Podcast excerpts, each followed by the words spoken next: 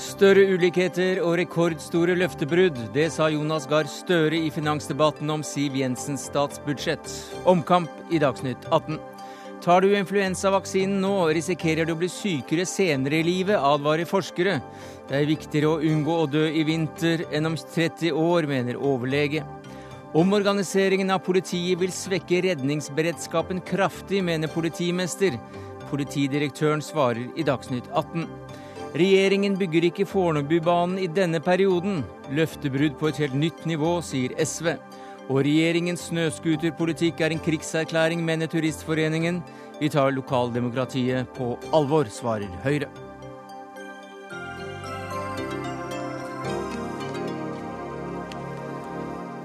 Ja, Det er noen av sakene i Dagsnytt 18 denne tirsdagen, der vi også vurderer situasjonen i landet som FN nå mener oppløses i det totale kaos i disse dager. Men vi starter med finansdebatten i Stortinget og med Erna Solberg.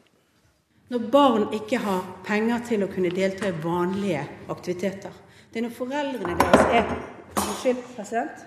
Jeg ble litt ivrig. Ja. Ja, jeg skal forsøke å Ønsker Stoltenberg replikk nummer to? President, det går hardt for seg i Stortinget.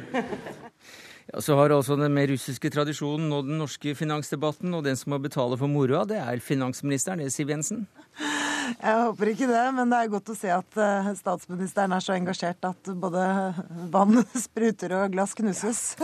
Finanspolitisk statsmann i Arbeiderpartiet, Jonas Gahr Støre. Det var ikke bare glassknusing, det var ikke stolhiving i det hele tatt. Det hele gikk forholdsvis sømmelig for seg. Men det du påpekte i dag, det var at dette budsjettet det fører til større ulikheter her i landet. Og det samme sa du altså minutter etter at Jensen la fram det blå statsbudsjettet for tre uker siden. Men nå har de flikket på det, de har fått sentrumspartiene med, og du har fått lest dette i, i større ro og mak. Hva begrunner du dagens uttalelser med? Jo, For de punktene er ikke endret, eh, programleder. Det er altså slik at eh, det gis skattelettelser. Det er hovedsatsingen her, og det skal finansministeren ha. Det er jo det de har lovet.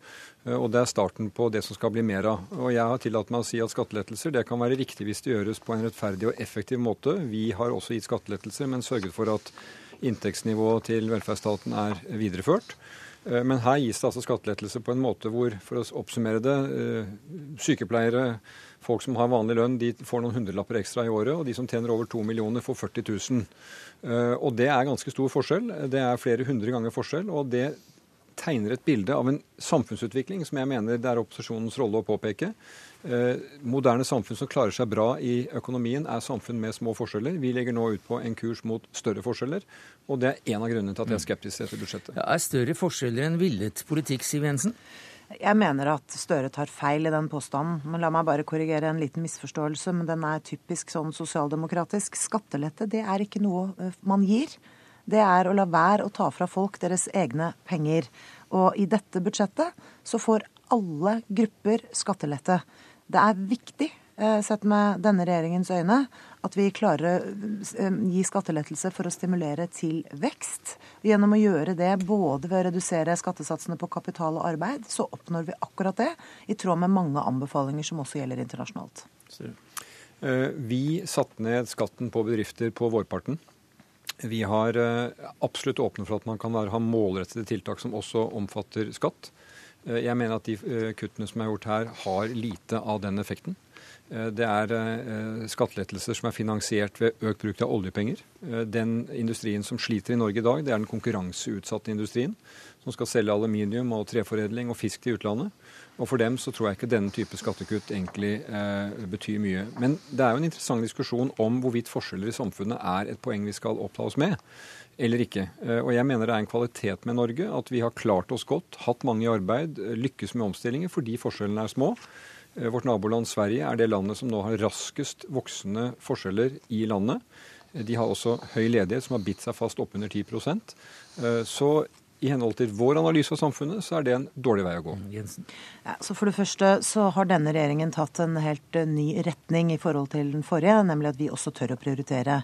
Vi kutter i en lang rekke eh, offentlige utgifter som vi mener andre kan finansiere rimeligere og bedre, for å frigjøre penger bl.a. til en rekke satsingsområder og til vekstfremmende skattelettelser. Så hører jo jeg da at Støre nå prøver å høres ut som han er tilhenger av skattelette. Det er bare at dette er ikke riktig og må gjøres på en annen måte.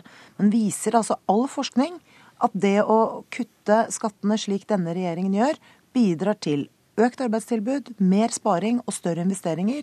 Og da lurer jeg på hva som er Støres alternativ. Fordi det de la opp til i sitt budsjett før de gikk av, var å redusere selskapsskatten ned til 27 mens de lot være å gjøre det for alminnelig inntekt på husholdningene. Det ville skapt en forskjell i skattesystemet som hadde vært uheldig.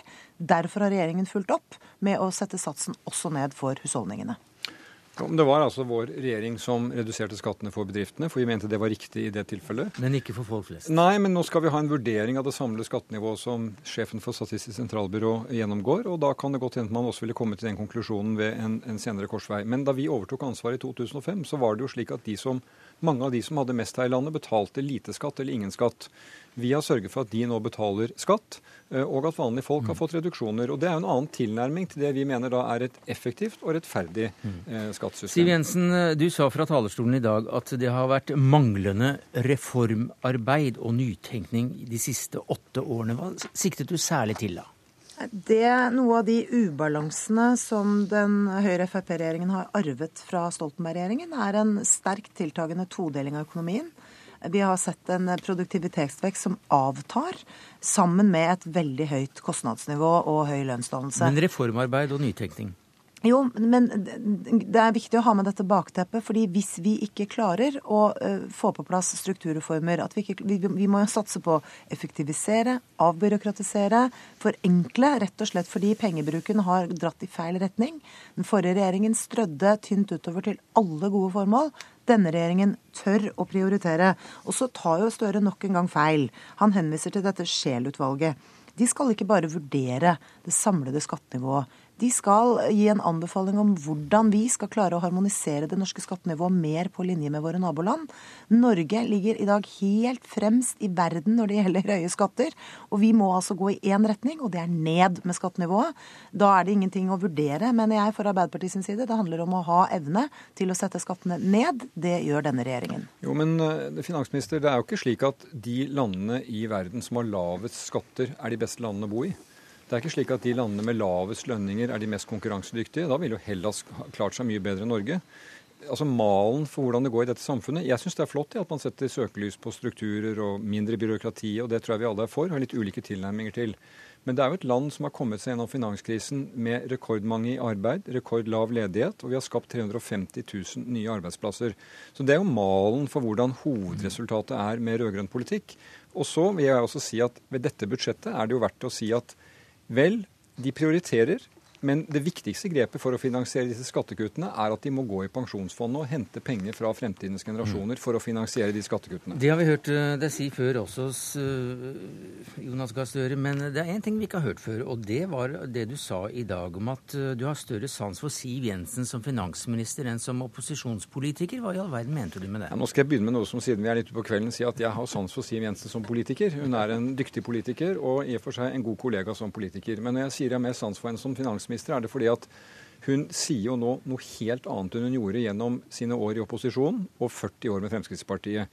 Det er jo slutten på 40 år med Fremskrittspartiet det vi ser når de nå kommer i regjering. Nå, nå, kommer de jo her med uttalelser om at man må ikke bruke for mye oljepenger, for da kan det gå utover økonomien.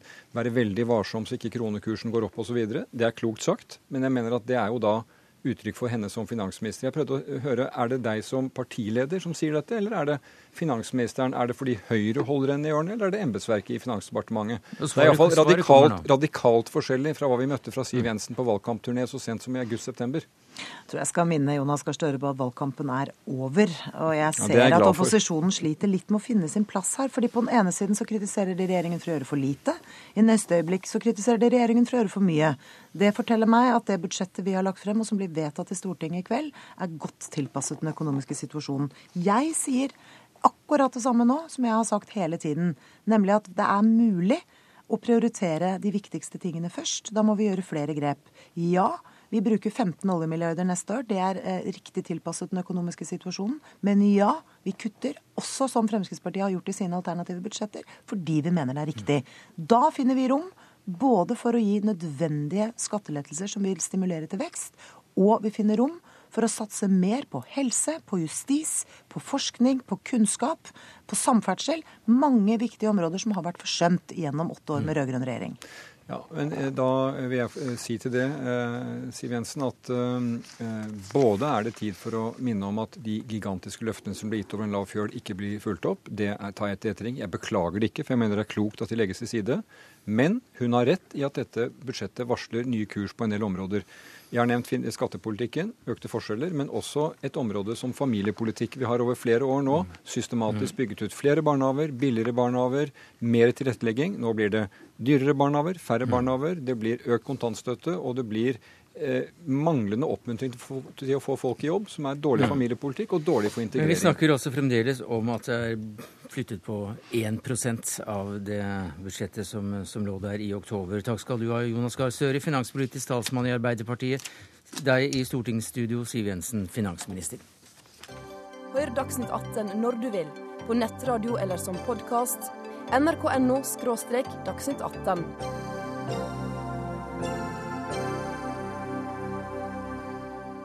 Ja, Som vi har uh, hørt, lest og sett, så vil altså politidirektøren redusere antall politidistrikt til, uh, fra 27 og til 6.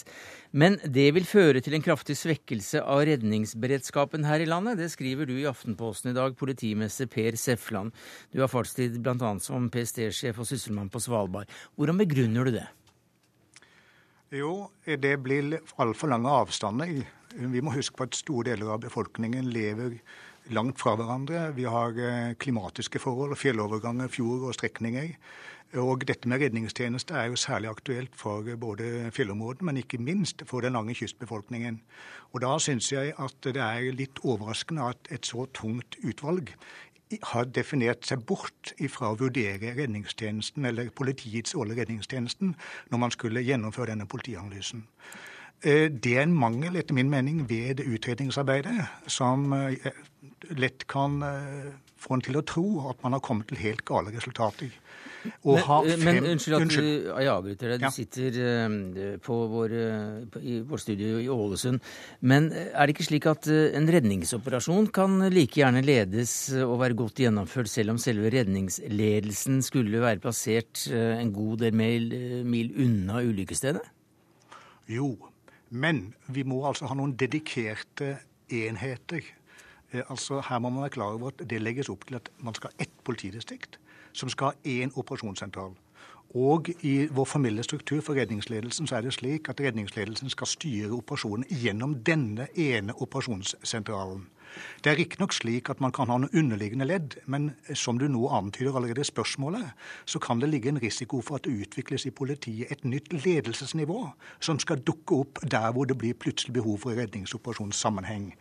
Man må altså ha en fast struktur, og det har vi hatt hittil så langt. Og jeg kan ikke se for meg at man skal ha en redningsoperasjonsaktivitet i Nord-Norge hvor det skal ledes fra én operasjonssentral i politiet, hvor enn den måtte bli plassert, i Bodø eller Tromsø.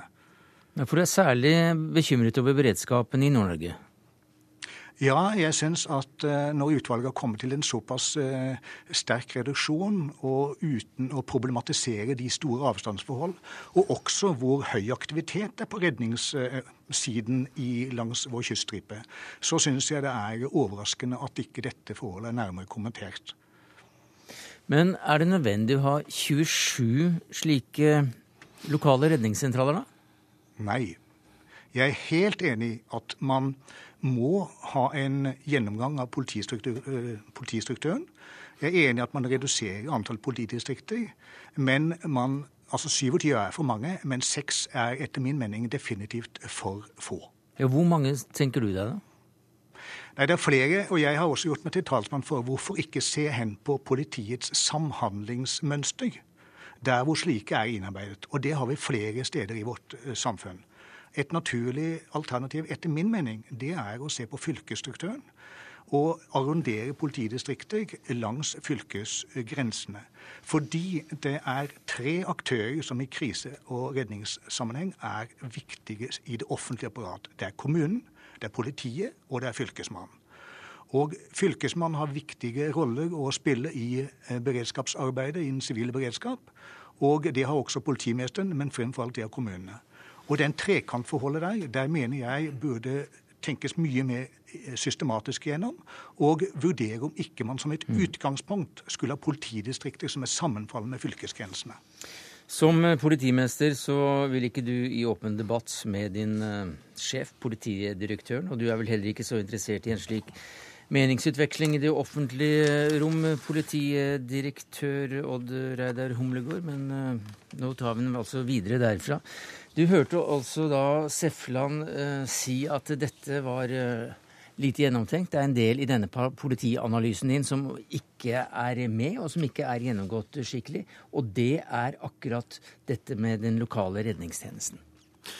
Ja, nei, Per Sefland, eh, som er en god kollega, eh, det er verdt å lytte til det han sier. Eh, det var en diskusjon i utvalget, dette med redningstjenesten. Vi skulle gjerne selv gått grundigere inn i det, som flere andre ting, men vi hadde altså ikke kapasitet, gitt den tidsrammen vi, vi hadde. Så har vi kommet fram til et forslag som går på seks distrikt i utvalget. Jeg har i min høringsuttalelse strukket det litt og sagt at opp mot ti politidistrikt eh, kan være hensiktsmessig for å kompensere for store geografiske områder. Men jeg mener at dette eh, er ikke problemet når det gjelder redningstjenesten. Nei. Man må altså se redningstjenesten på samme måte som annen operativ tjeneste ute. Da er det det lokale eh, tilstedeværelsen og kunnskapen som er viktig. Det er jeg helt enig med Sefland i. Men vi gjør altså ingen endringer i nord eh, av særlig grad når det gjelder antall lensmannsdistrikt og politistasjoner. Det er knapt noen forslag til nedleggelser. Vi mener også at den lokale lensmannen og innsatslederen skal ivareta den lokalkunnskapen. Operasjonssentralen, som er blitt kritisert for å ha vært for lite robuste, eh, både Gjørv-kommisjonen og Politianalysen, skal ivareta den overordna strategiske ledelsen av redningsoperasjonen. Den operative og taktiske den skal ivaretas fortsatt av de lokale tilstedeværende lensmenn og lensmannsbetjenter og politistasjoner. Ja, Så forskjellen blir ikke så stor? Nei, altså jeg syns man overdriver eh, det at vi får en robust eh, Altså ulempen med få store distrikt. Eh, fordelen er at vi får langt mer robuste operasjonssentraler som kan understøtte en redningsoperasjon eh, i mye bedre grad enn det vi klarer i dag. Men samtidig sier du jo nå her at eh, dere hadde dårlig tid på dere, og at denne analysen nå kunne vært grundigere? Jeg sier på dette området så ja, og Det er på det området som vi ja, nå snakker om? Ja, men ja. jeg sier dette skiller seg ikke fra annen operativ eh, tjeneste for politiet. Det er de samme problemstillingene. Behov for lokalkunnskap, kjennskap til skal vi si, landskapet på bakken.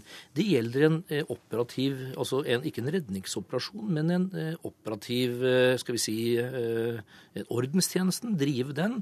Alt annet enn redningstjeneste har de samme behovene. Lokalkunnskap, lokal tilstedeværelse og respons. Men lokale redningssentraler skal det ikke være 27 av? Nei, altså det er der vi forskrever oss i dag, og det er det vi har blitt kritisert for. Nå blir det kanskje kuttet ned til seks, eller muligens dratt opp til ti. Ja. Og hva synes du om det, Mats Gilbert? Du er akuttmedisiner i Tromsø og har bred erfaring fra arbeid på ulike steder. Ja, jeg må nok si at jeg er veldig enig med eh, politimester Sefland. Eh, og jeg leste med stor interesse hans innlegg i Aftenposten i dag. Jeg syns han har veldig saklige og viktige innsigelser. Og det bekymrer meg jo veldig når, eh, når utvalgets leder nå sier at de ikke hadde tid til å gå inn i redningstjenestens organisasjonsforhold på den måten man burde gjøre, nemlig med en grundig sårbarhets- og risikoanalyse det måtte være et absolutt minimum. Uh, Norge er et utrolig sammensatt og langt land. Det bor fryktelig mye folk i distriktene. Og uh, det er avstander f.eks. i Nord-Norge. Nå sitter jeg på flyplassen i Vadsø etter å ha vært på et møte her. og F.eks. så er jo altså kjøretiden fra Bodø til Kirkenes den er 22 timer, og fra Tromsø til Mosjøen tar det 23 timer med bil. Så hvis man skal ha ledelse i større aksjoner, så forutsetter det jo at man har en, eh, et nærvær i dagliglivets små og store aksjoner. Eh, og så er vi altså i den situasjonen at vi allerede har sett en bekymringsfull sentralisering av politidistriktene før denne mm. utredningen kom. Det er sånn når det er en ulykke eller en hendelse som krever innsats, så kommer først ambulansen, så kommer brann, og dagen etter kommer politiet. Og, og, jeg kjenner, og, jeg kjenner, mange gode polititjenestemenn som er fortvilet over at vi allerede i dag har så lange responstider at de er altfor seint ute. Og det er politiet som har ledelsesansvaret. Humlegård. Ja, vi er helt enig i det. At det er for lang responstid. Det er derfor vi må gjøre noe med politidistriktsstrukturen. Eh, vi har et eksempel i Troms, i Lenvik, hvor tre lensmannskontorer har slått seg sammen. De får vesentlig bedre polititjeneste til publikum. Det er også ordfører og innbyggerne eh, enige om. Dette med redningstjenesten, eh, som utvalget da ikke gikk dypt inn i, et utvalg som jeg for øvrig ikke ledet, så disse problemstillingene. Men de har altså ikke noe spesielt ved seg når det gjelder redningsaksjoner. Det er det samme problemstillingen som gjelder når det gjelder annen operativ eh, politiarbeid. Og det er altså ikke den lokale redningssentralen som rykker ut og skal kjøre 22 mil. De skal være på bakken. Det er et lensmannskontor, det er en innsatspatrulje. Det er en politipatrulje som er første stedet inn, uh, i, en, uh, inn i en redningsoperasjon. Og de vil vi ved å samkjøre flere distrikt få flere av på en døgnbasert eh, tjeneste. Det er målet, eh, også vårt. i dag er jo på mange måter at politiets operasjonssentraler fungerer dårlig. Det er vi enige om. Og Det skyldes ikke fagfolkene som sitter der, det skyldes at de har veldig lite systematisk opplæring. De har ikke noen felles handlingsmaler, og de har ikke krav til responstid. Hvis man ser på helse, så har vi altså i Nord-Norge så har vi 85 ambulansebilstasjoner. Vi har ti luftambulanseenheter. Og vi har fem AMK-sentraler. Og vi er veldig opptatt av å komme fort ut når det er tidskritiske hendelser. Men det vil de fortsatt kunne gjøre. Det, det, det, dette forslaget rokker vel ikke ved akkurat det faktumet? Jo, det rokker ved det faktumet. Resonnementet mitt var jo at politiets operasjonssentraler i dag drukner i henvendelser som sannsynligvis aldri skulle ha kommet dit. Eh, de får eh, lang ventetid på å bli besvart når man ringer, og vi får lange responstider pga. sentraliseringen av distriktene. Noen steder kan det være hensiktsmessig, det er jeg enig i. Men mange steder har dette ført til at politiets responstid på bakken allerede er altfor lang. Når vi i tillegg til det skal ha en hårhendt sentralisering av ledelseselementet, så betyr det mindre lokalkunnskap. Det betyr større avstand til de operative enhetene på bakken og til mm. publikum i lokalsamfunnene. Humlegård, det må Humlegård nesten få svare på. Det er altså slik at det også betyr at vi får en uh, operasjonssentral som faktisk evner å gjøre det de skal gjøre eh, i en redningsoperasjon. Jeg har sittet i, og ledet mange redningsoperasjoner i stab, og jeg har jobbet i både det største og det minste politidistriktet i Norge. Jeg vet hvor sårbart det er der ute. Og vi må ikke blande sammen eh, politidistriktenes funksjon i LRS og den operative kapasiteten på, på, bakken. Det vi nå gjør, vil styrke politiets evne til å lede redningsoperasjoner og ressurssette eh, de operative patruljene og samhandle med andre aktører.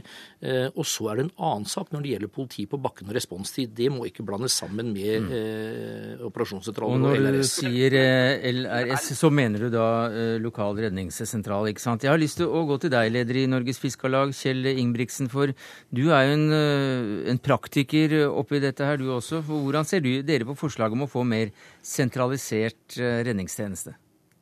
Nei, Det er jo helt klart at uh, vi har ingen vanskeligheter med å skrive under på det som både Per Schæfland og Mats Gilbert sier i denne sammenhengen. Og um, det at uh, utvalget eller gruppen ikke har hatt kapasitet og tid til å vurdere hva som vil være den faktiske situasjonen med å redusere antall distrikter fra 27 til 6 Eh, det vil jeg påstå vi, vi eh, ser på som uforståelig. Vi vet jo at vi som yrkesgruppe, vi som ferdes på havet, vi har jo en risiko, en stor risiko å forholde oss til hver dag.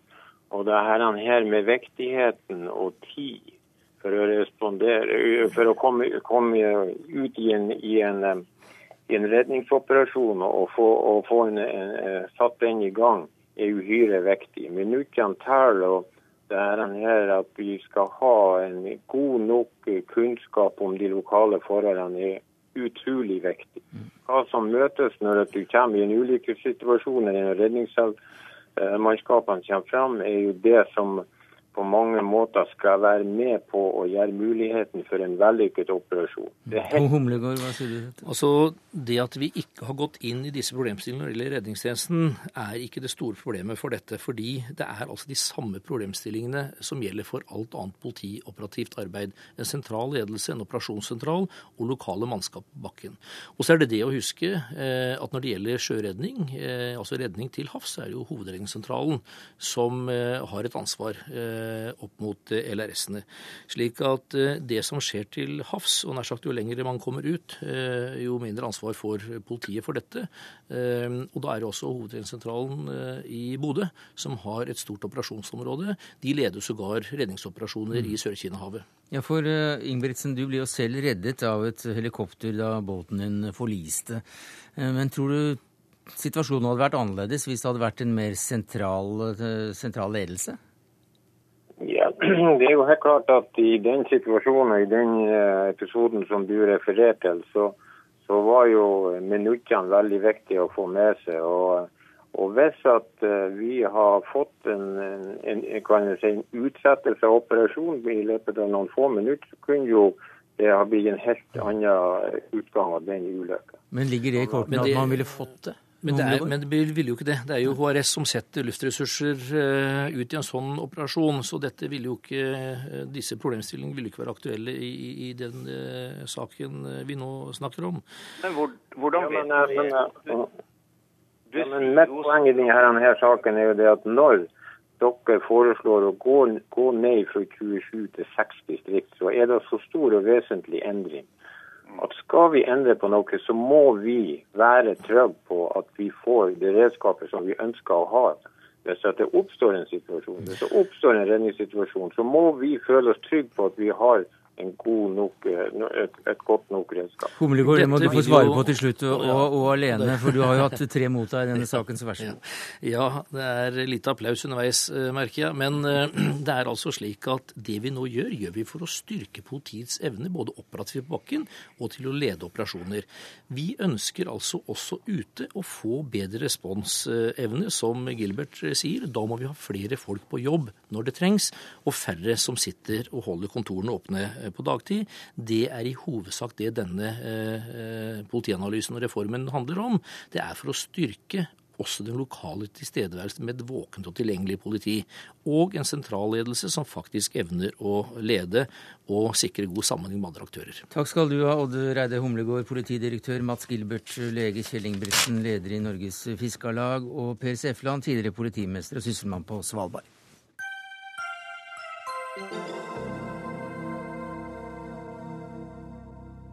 Ja, Det har vel ikke stått så bra til eh, i Den sentralafrikanske republikk. Men nå er det så ille at FN sentralt roper alarm, og det med store bokstaver. De vil ha Sikkerhetsrådet på banen, sende fredsstyrker, mens Frankrike allerede er klar med 1000 mann. Hva er det som skjer i, i dette landet mellom Tsjad, Nord- og Sør-Sudan, Kamerun og Kongorepublikkene? Morten Bøås, du er seniorforsker ved NUPI. Ja, Som du er inne på, så har det jo aldri vært bra der. Dette er jo en vandrende vandrehistorie om eh, lidelse og tragedier og en stat som egentlig aldri har blitt bygd. Men eh, de siste sju-åtte månedene så har det gått fra vondt til verre. Det var en opprørsallianse som klarte å ta over eh, makten, men de klarte ikke å holde på denne makten. Og det førte til at ja, det er en ny president, eh, men det er ingen egentlig sentralmakt som fungerer her. Og det resten av denne opprørsalliansen den eh, går nå rundt og plundrer, dreper og det som verre er. Og i tillegg så har det ført til økte spenninger mellom den kristne og muslimske mm. befolkningen. Og det er noe helt nytt i tilfelle dette landet. Ja, hvordan vil du beskrive situasjonen i landet i dag? Den er eh, veldig vanskelig. For det første er dette kanskje den minst utviklede av de afrikanske statene. Altså. Utenfor hovedstaden så fins det veldig lite i det hele tatt. Det er landsbyer, men det er ikke noe infrastruktur som binder dette sammen. Det er et sted mellom 450 000 og 500 000 mennesker på flukt. Det utgjør ca. 10% av befolkningen. Det lille som måtte ha vært av lov og orden og lokal administrasjon, har brutt totalt sammen. Det gjør at eh, folk må søke sikkerhet der de kan, og det er i eh, ulike grupper. Eh, du har væpna grupper som løper rundt og plyndrer. Og eh, med den usikkerheten det medfører, og hvordan dette spesielt rammer de aller mest sårbare, som er ofte kvinner og barn. Et land i full oppløsning? Et land i mer eller mindre full oppløsning. Og dette landet utgjør jo også på mange måter i et av hjertene i Afrika, sitter som et episenter mellom flere urolige regioner som Sahel, det afrikanske Horn og Sentral-Afrika, ja. de store sjøene. Det hjelper ikke?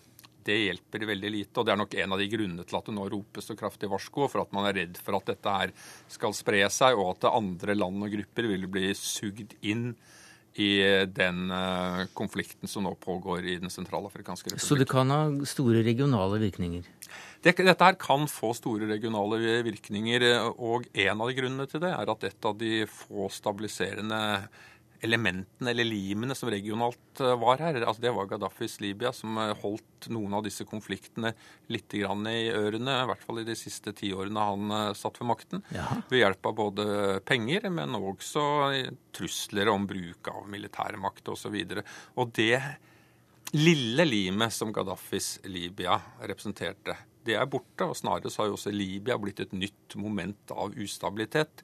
Først og fremst for libyere selv, men vi ser jo også hvordan spesielt den sørlige delen av Libya, altså Fesan-regionen, også blir tilholdssted for opprørere av ulik karakter som søker den, nettopp den type statsløshet som de trenger. Og Den sentralafrikanske republikk kan dermed også bli et nytt hva skal man si om ikke arnested, så i hvert fall basested for en serie av ulike opprørsgrupper i dette området. Som også Al Qaida inspirerte? Noen av de er Al Qaida inspirerte, i hvert fall i navnet, mens andre har en mer sekulær natur, men det gjør de nødvendigvis ikke noe bedre. Ja, for Nå snakker du jo om, om konfliktdimensjoner i massevis, mm. og nå også, også en, en kristen-muslim konflikt. Ja, og det er noe nytt her. Og det som, det som skjedde i forbindelse med når denne Selekap-alliansen tok makten, var at man da for første gang fikk eh, makten sentrert hos den muslims, altså representantene for den muslimske majoriteten. Så klarer ikke de å kontrollere sine egne krigere. De har ikke noe å tilby dem etter at eh, de har vunnet slaget om Bangui. Noen få av de inkorporerer de i det de prøver å lage som en ny hær. Resten slipper de egentlig bare løs. Og disse her slippes da løs. De begynner å plyndre, og naturlig nok så plyndrer de først og fremst kristne landsbyer og kristne samfunn, som som et motsvar til dette danner sine egne militser. Her har vi på mange måter grunnstenene til et nytt konfliktelement i Den sentralafrikanske republikk, nemlig en sekterisk konflikt mellom religiøse grupper. Men dette burde jo vært et rikt land?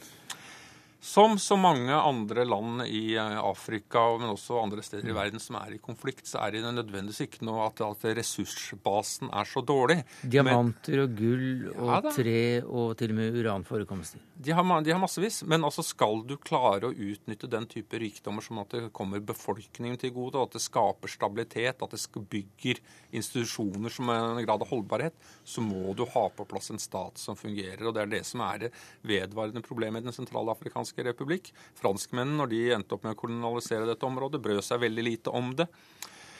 Det endte jo opp med altså, noe av det mest bisarre vi har sett i Afrika, med altså, denne Bokassa som kronet seg selv til keiser og så på seg selv som en uh, afrikansk Napoleon. Når han, uh, hans regime detter, så er det ingen andre som har klart å engang begynne å bygge denne staten. Altså, her snakker vi ikke om å om å reformere en stat. Her er det snakk om å bygge en stat, og derfor blir det også en utfattelig mm. utfordrende operasjon for Den afrikanske union og FN hvis man skal inn her for fullt. Ja, for afrikanske union er inne. De, de er inne. Ja, og, og, Frankrike sier at de sender 1000 mann. De har sagt at de skal sende 1000 mann. Frankrike har allerede ca. 400 tropper i hovedstaden Bangui, men de har først og fremst som mandat å beskytte flyplassen og beskytte franske interesser. For de er til stede fremdeles? De er til stede, men altså, de har ikke tatt del i noen av de kamphandlingene som har vært nå. Og de har heller ikke gjort noe for å beskytte sivile. Så meningen er at disse nye franske styrkene som skal inn i en form for et AU-FN-mandat, skal da delta i beskyttelsen av sivile. Men hvis du ser på infrastrukturen her, så er det store store utfordringer.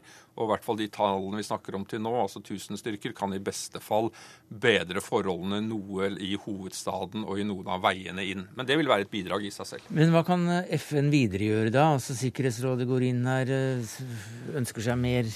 Hva, hva kan effekten av en slik, slik operasjoner bli?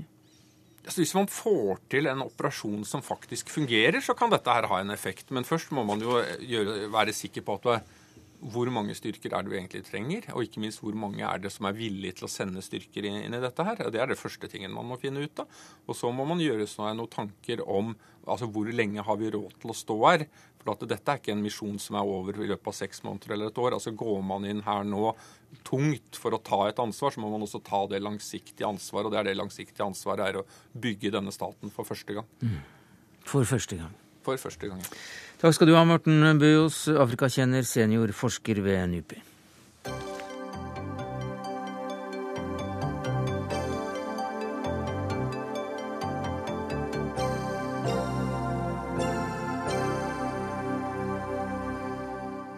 Ja, er du under 65 år og frisk, bør du ikke ta influensavaksine, sier flere forskere til Tidsskrift for Den norske legeforening. De mener også at helsearbeidere ikke bør vaksinere stikk i strid med myndighetenes anbefalinger.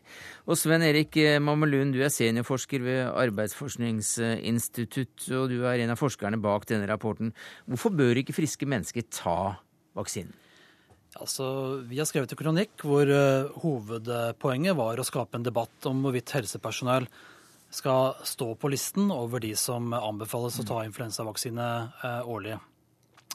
Og vi har uttrykt en bekymring fordi uh, vi mener at helsepersonell som eventuelt tar vaksine hvert år, vil frarøves muligheten for å utvikle en bred immunitet Hvilket betyr at eh, kanskje seinere og eh, i framtiden så vil eh, det kanskje komme et eh, nytt virus, sånn eh, gjennom en pandemi f.eks. Eh, da vil de kunne stå dårligere rustet og, og, selv oppleve et mer alvorlig forløp av, av sykdommen.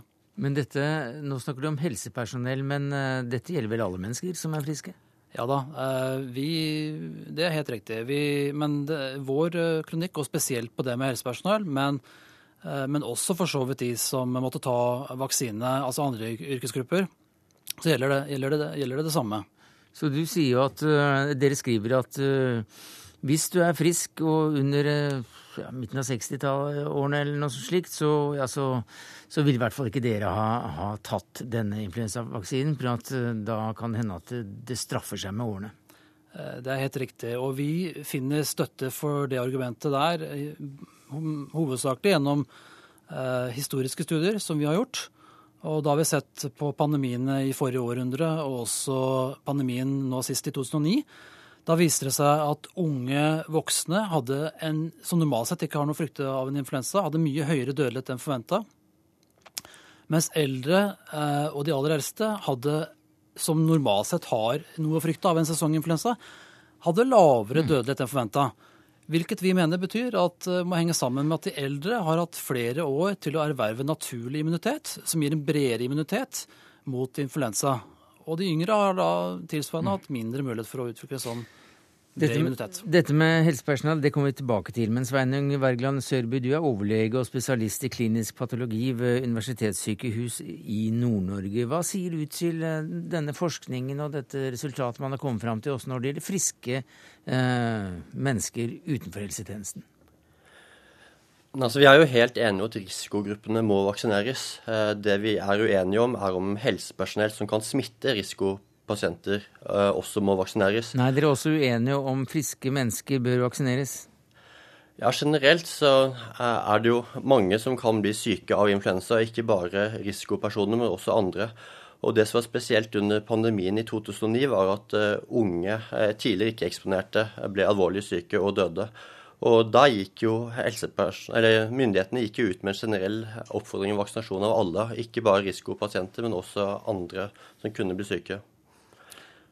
Jo, men dette var eh, en pandemisituasjon, og det vi snakker om her, er om helsepersonell og andre yrkesgrupper skal, skal ta influensavaksine årlig, slik at de kanskje selv får mindre bred immunitet og derfor blir mer alvorlig utsatt gitt at det kommer en ny pandemi. Jo, men Anbefalingen om å eh, vaksinere helsepersonell går ikke på å beskytte helsepersonell, men det går på å beskytte pasientene mot smitte fra helsepersonell. Det er klart at eh, kreftsyke barn som ligger på isolat, vil ha veldig dårlige odds dersom sykepleier ikke tar vaksine og influensasmitter barnet. Det er jeg selvfølgelig helt enig i, men det vi har argumentert for, eh, er Og vi, viser til nylig eh, Cochrane reviews på dette området, som viser at det er liten støtte for at, at vaksinering av helsepersonell beskytter syke og gamle pasienter. Jaha, Hvordan kan du si det? Jo, altså dette har vært eh, en systematisk gjennomgang av tidligere forskning på området for å se om det er en effekt eh, av eh, vaksinering av helsepersonell. Når det gjelder smittefare? Ja, når det gjelder smitte til, til, til pasienter? Ja. Mm. Så, så, det er iallfall nyere forskning som viser at, det, at, vi, at, at, den sammenhengen betviles. Mm. Syrby? Altså, Cochrane-gjennomgangen er jo veldig streng, og det har vært mange dårlige studier utført på dette området. Og resultatene spriker veldig fra studie til studie. Eh, det spørs også hva som er endepunkt. Er det all influensalignende sykdom som inkluderer forkjølelser og slike ting, så vil jo ikke influensavaksinen hjelpe mot det. Hvis man ser på da eh, de spesifikke virusstammene som inngår i vaksinen, hjelper vaksinen mot det, så viser de fleste studier god effekt av vaksinen. Eh, det er ikke alltid vaksinen treffer hvis ikke den epidemien som kommer det året, er dekket av vaksinen, så vil jo ikke vaksinen ha så god effekt. Jeg er ikke helt sikker på at eh, alle lytterne er helt med på, på detaljene her, akkurat når det gjelder hvilke studier som, eh, som gjelder nå om dagen. Men hvis vi nå legger helsepersonell til side, som det altså er en faglig uenighet, registrerer vi, om bør øh, vaksinere seg pga. smittefaren i forhold til pasientene, og holder fast ved hvermannsen, deg og meg, så mener jo da altså dere, Sørby, eh, at man bør vaksinere seg i større grad. Og hvorfor mener du det, når du hører at det gir en fare for økt sykelighet siden? Den faren vi snakker om, er en teoretisk fare og var mindre rustet om pandemier om 20-30 år. Eh, samtidig så vet vi at det er noen som dør av influensa hvert år. og jeg vil heller vaksinere meg mot en kjent eh, sykdom og en kjent risiko dette året enn hva som skjer om 20-30 år. Det kan også komme bedre vaksiner etter hvert som gir bredere dekning, slik at eh, pandemier om 20-30 år blir et mindre problem. Vi er selvfølgelig eh, enig i det, men vi mener at de historiske dataene gir klare signaler her om at å, gjennomgå naturlig infeksjon er en fordel.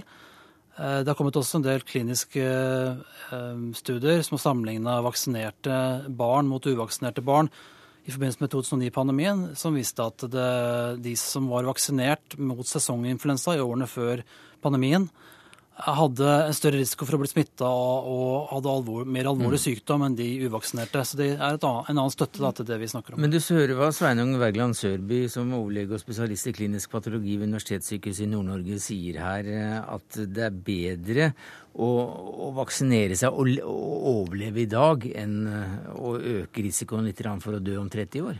Nå er ikke overdødeligheten av influensa så veldig stor for denne gruppen vi snakker om her, altså unge, voksne øh, og yrkesaktive.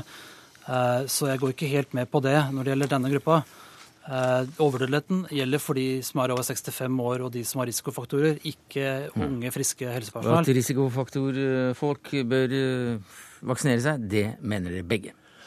Ja, og der vil jeg fremheve gravide. For det er mange som tenker at gravide er friske, men gravide mm. har økt risiko for sykdom og død av influensa. Og også barnet har økt risiko for alvorlig sykdom hvis mor blir influensasyk. Gravide, er det uproblematisk? Eh, jeg støtter, eller Vår gruppe støtter det. Mm. Takk skal du ha, Sveinung Wergeland Sørby, med oss eh, fra vårt kontor i Tromsø. Sven Erik Mamelund, seniorforsker ved Arbeidsforskningsinstituttet.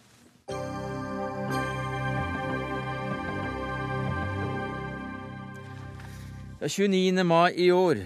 Pressen er invitert til Fornebulandet. Der legger de fire borgerlige partilederne fram sitt aller første felles valgløfte. En T-banestrekning fra Majorstua i Oslo til det gamle flyplassområdet på Snarøya i Bærum. Vi kan begynne å bygge banen allerede nå. Jeg tenker i et eh, fem til seksårsperspektiv så kan denne banen være klar. Vi opplever at de, de rød-grønne når de ser oss, så vi tenker dette skulle vi ha gjort. Ja. Ja. Jeg er glad for at vi er visse enighet rundt en veldig viktig symbolsak. En sak som egentlig har venta på i 20 år, eh, og da er det en gledens dag. Men de må nok vente i enda noen år. Det var Knut Arild Hareide som kalte den 29. mai for en gledens dag. Banen kunne stå ferdig om fire-fem år, hørte vi ham si. Men slik blir det vel likevel ikke, samferdselsminister Ketil Solvik-Olsen? Jeg mener at det var en gledens dag, fordi at eh, i den eh, utspillet så var det en avtale i bånn som ikke sa noe om at den skulle stå ferdig om tre-fire-fem år, men som sa at det skal skje snarest mulig. Og Det er jo i respekt for at det er kommuner her som må regulere areal til denne banen. Da kan du ikke bare begynne å bygge. Så det Knut Arild Hareide sa om eh, ferdigstillelse om fire-fem år, det var bare surr? Ja, Det var nok et ønske og ambisjon han hadde, men, men snarest mulig. Det står fast. Det som var den viktige nyhetssaken her, det var at vi forplikter oss til å ta halvparten av regningen. Fordi at den debatten som da gikk rundt Nasjonal transportplan, der var ikke de rød-grønne villige til å forplikte seg på finansiering i det hele tatt. Og da skar vi gjennom og sa staten tar halvparten av regningen på den type store infrastrukturprosjekt. Og det løftet står vi med. Og så er jeg veldig glad for at i dag har jeg fått informasjon fra Oslo som sier at de tror de blir ferdig med reguleringsarbeidet allerede i 2015. Og da ligger vi godt i, eh, foran skjemaet som de rød-grønne hadde på oppstart 2018. Så vi får både fremskynde den, og vi sikrer mm. finansiering. Og dermed så er jeg egentlig veldig fornøyd, jeg. Hva sier du til det, finanspolitisk politisk talsmann i SV, Snorre Valen? Nei, jeg mener dette er et eh, løftebrudd av nesten episke dimensjoner. og, og, ja vel? Ja, fordi det her er det man kaller sånn liten skriftløftebrudd. Altså De borgerlige partiene som nå har flertall på Stortinget, kommuniserte tydelig i aviser og i en rekordlang sending på Dagsrevyen at dette skulle man sette i gang med med en gang. Så blir det ikke sånn likevel. Jeg kan berolige Ketil Solvik-Olsen med at vi godt kan være med å støtte en, en 50% andel fra staten på en slik utbygging. Og Det gir vi også rom for i, i vår nasjonale transportplan. Jeg har forståelse for at partier som Frp bryter enkelte valgløfter fordi de fikk 16% i valget og ikke rent flertall. At de ikke følger handlingsregelen, at de øker bilavgifter, at de bygger bommer osv. Men dette er en helt konkret sak som de fire borgerlige partiene som nå har flertall, var enige om. Mm. Og Da tror jeg mange reagerer på at samferdselsministeren tar såpass lett på det i dag og sier at nei, dette må vi være fornøyd med. Men, men nå må du jo høre hva jeg sa. Jeg sa vi skal gjennomføre det så raskt som mulig, og nå ser det ut som at det blir fremskynda i forhold til de planene som dere hadde. Vi gjør det altså raskere enn det dere ville. Vi forplikter oss til halvparten av regningen. Det ville ikke dere være med på. Dere sa at dette kunne en forhandle om i en framtidig avtale. Alle vet at det nytter ikke å snakke om at du teoretisk kan igangsette et prosjekt i 2018 når finansieringen ikke er i orden. Finansieringen kommer i orden med oss. Det betyr at de jobber raskere i kommunene, og det ser vi nå resultatene av. En får det på plass bedre. At SV i opposisjon plutselig er for en masse ting de ikke ville forplikte seg til i posisjon, det er bra. Men dette blir en ganske meningsløs debatt når vi altså gjør jobben raskere og bedre enn dere, og så får vi likevel kjeft. Nei, altså Vi gikk ikke ut og lovte ferdigstillelse innen fem år. det gjorde ikke vi heller. Jo, fordi Nei, vi er opptatt av å sjekke fakta i forkant av utspill i valgkamp. Men... Og Det er ikke mitt problem, det er Fremskrittspartiets eget problem. Nei. Og jeg tror det kun er sånn at samferdselsministeren er aleine om å oppfatte at ikke de borgerlige lovte det her. Og Nei, I vår, vårt opplegg for Nasjonal transportplan så står det at det kan gi statlig støtte til infrastruktur av stor nasjonal interesse, som T-bane i de fire største byområdene. Nettopp. Og vi var klar til å støtte det her, vi. Eh, SV i Oslo har jo også foreslått å sette i gang så fort som mulig eh, i sitt alternativ til Oslopakke 3. Så dette er ikke SVs problem. Det er ikke vi som har lovt å gjøre dette i et tempo som ikke lar seg gjennomføre. Det er det Fremskrittspartiet som Nei, har gjort. Nei, Hør her, hør her. Den skriftlige avtalen som ligger på nettet, bare google den. Der står det så fort som mulig at KrF sin leder muntlig sa at han trodde de kunne sette i gang med en gang og bli ferdig i løpet av fire til fem år. Det får du ta med han. Men avtalen mellom partiene var så snart som mulig. Og du understreker jo òg forskjellen på oss. Du sier nå at dere hadde i avtalen deres at dere kan finansiere. Vi sa vi skal finansieres. Og den forskjellen mellom kan og skal er jo det vesentlige her. Vi gir en forpliktelse som vi den dag i dag står ved, som gjør at det er en trygghet for finansieringen òg for kommunene. Den tryggheten vil ikke dere gi. Og at dere nå i opposisjon kommer og kjefter på oss fordi at vi ikke gjør det enda raskere, når vi allerede gjør det raskere enn dere la opp til i posisjon, det syns jeg blir en ganske rar debatt. Vi kan godt diskutere bra der vi er uenige om virkemiddelbruk og sånn, men det er for kjeft fordi at vi ikke er supermye raskere enn dere, men bare ganske mye raskere.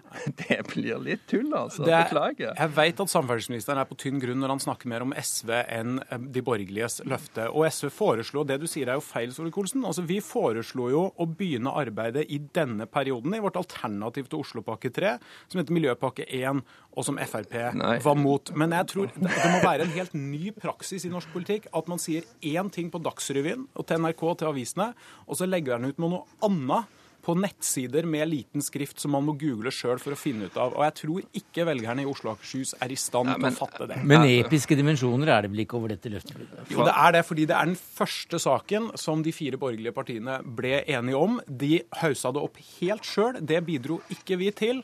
Eh, og de sa at dette var en viktig sak og en viktig symbolsak, ja, men, som Hareide ja. sa. Og da er det jo illustrerende nok at idet Frp har kommet i regjering, så er det tilbaketog. Hør, hør, det er fordi hør, Frp ikke har sjekka fakta før de går ut og lover ting. Det er som sagt ikke SVs eller Arbeiderpartiets eller Senterpartiets men, problem. Ærlig, det er FrPs eget ærlig talt, Snorre Valen.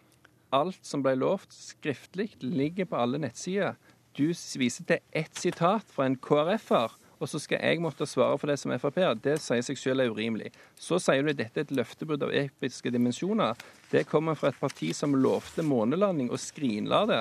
Eh, det er det ene. Det andre er at på samtlige områder når dere har snakket om intercitytriangelet rundt Oslo, så har deres regjering levert utsettelse, utsettelse.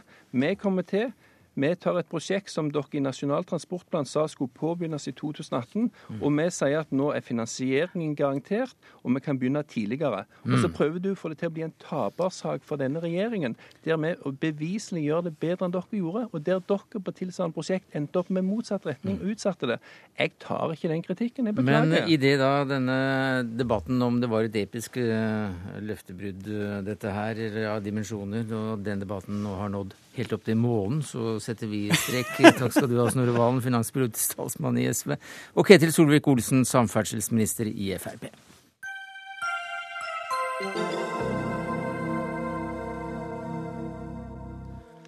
Turistforeningen kaller regjeringens snøscooterpolitikk for en krigserklæring mot norsk friluftsliv. Og hvorfor gjør dere det, Berit Kjøll, du er styreleder i Den norske turistforening?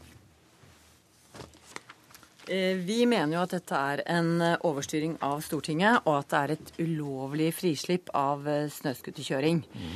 Og at man her lener seg på forsøksloven i stedet for at man kjører en grundig og demokratisk lovprosess hvor alle interessenter og parter blir hørt. Men det altså, er grunnen til at vi har gått ut nå ja, mot Sivilombudsmannen. For, for, bakgrunnen var altså at det var et forsøk, en forsøksordning med en rundt 40 kommuner som fikk lov å å, bestemme forholdsvis begrenset aktivitet med snøscooterkjøring. ikke sant? Og så er den ordningen da utvidet til å gjelde alle de som har søkt om dispensasjon. Og det kaller det, dere også en krigserklæring mot norsk friluftsliv. Ja, Det som eh, også hører til saken, er at i 2001 så var det åtte kommuner som fikk lov å være forsøkskommuner. Og de har vært det da frem til en periode på, til 2005, men har fortsatt frem til nå. Så sa regjeringen at man ønsket å utvide dette til 40 kommuner. Mm. Eh, så gikk man ut på landsbasis og inviterte kommunene inn og sa hvor mange har lyst til å være med på dette. Og da var det jo 105 kommuner i Norge som søkte om å få være med. Og da, hvis, skal, hvis, man skal eh, gå og følge forsøksloven, så kan man ikke gi dispensasjon til 105 kommuner og snikinnføre full eh, dispensasjon for 105 kommuner til å sette i gang med fornøyelseskjøring før man har kjørt en lovprosess, mener vi. Derfor har vi klaget dette til Sivilombudsmannen, og, mener, og ønsker å stoppe dette inntil vi har kjørt en demokratisk mm. prosess i Stortinget. Miljøverndepartementet kunne ikke stille i Dagsnytt 18 i dag, så vi er glad for at du kom, Frank Bakke-Jensen, som stortingsrepresentant for Høyre, medlem av næringskomiteen. Det, det er altså da erklært krig mot norsk friluftsliv friluftsliv, ifølge Turistforeningen Virke og Friluftslivets Fellesorganisasjon. Hva slags ammunisjon har du mot denne grausomme salben? Nei da, men her er det jo, eh, det er jo sånn at hvis det, hvis det, her er begrunnelsen for at man har, eh, man har eh, varsla krig, så er det all grunn til å bare trekke seg tilbake. Og har det ikke vært for røykeloven, så hadde vi røkt fredspipa allerede nå i ettermiddag. Ja, for her etterlyser man jo en demokratisk prosess, og det er jo akkurat det regjeringa har varsla. Man, altså man tar en forsøksordning, man gjør den grundig. Man lar mange kommuner få delta i den. Vi løfter altså lokaldemokratiet opp sånn, og bruker det aktivt. Og så skal vi i gang med en lovprosess der vi skal gjøre grundig evaluering av forsøksordninga, vi skal gjøre grundige høringer, og så vil det komme frem til et lovvedtak i Stortinget en eller annen gang i fremtida. Men jeg bare lurer på hvor grundig dere må være. fordi at det har faktisk vært åtte kommuner som nå har holdt på med dette i mange, mange, mange år. Og det at man da må gå ut og, og åpner for 105 kommuner som skal kjøre fritt i fire år parallelt som man skal lage, lage et lovverk, dette, dette er ikke musikalske våre ører. Og det norske folk ønsker jo ikke dette. Det er jo også noe med det, da man snakker om demokratiet her. Vi må jo gå ut og høre, lytte til hva folk flest vil ha. Og eh, hvis vi nå hever oss litt over akkurat eh, demokratiske prosesser, og, og, tenker på hva er det vi er ute og tukler med, det er jo da indrefileten i vår natur.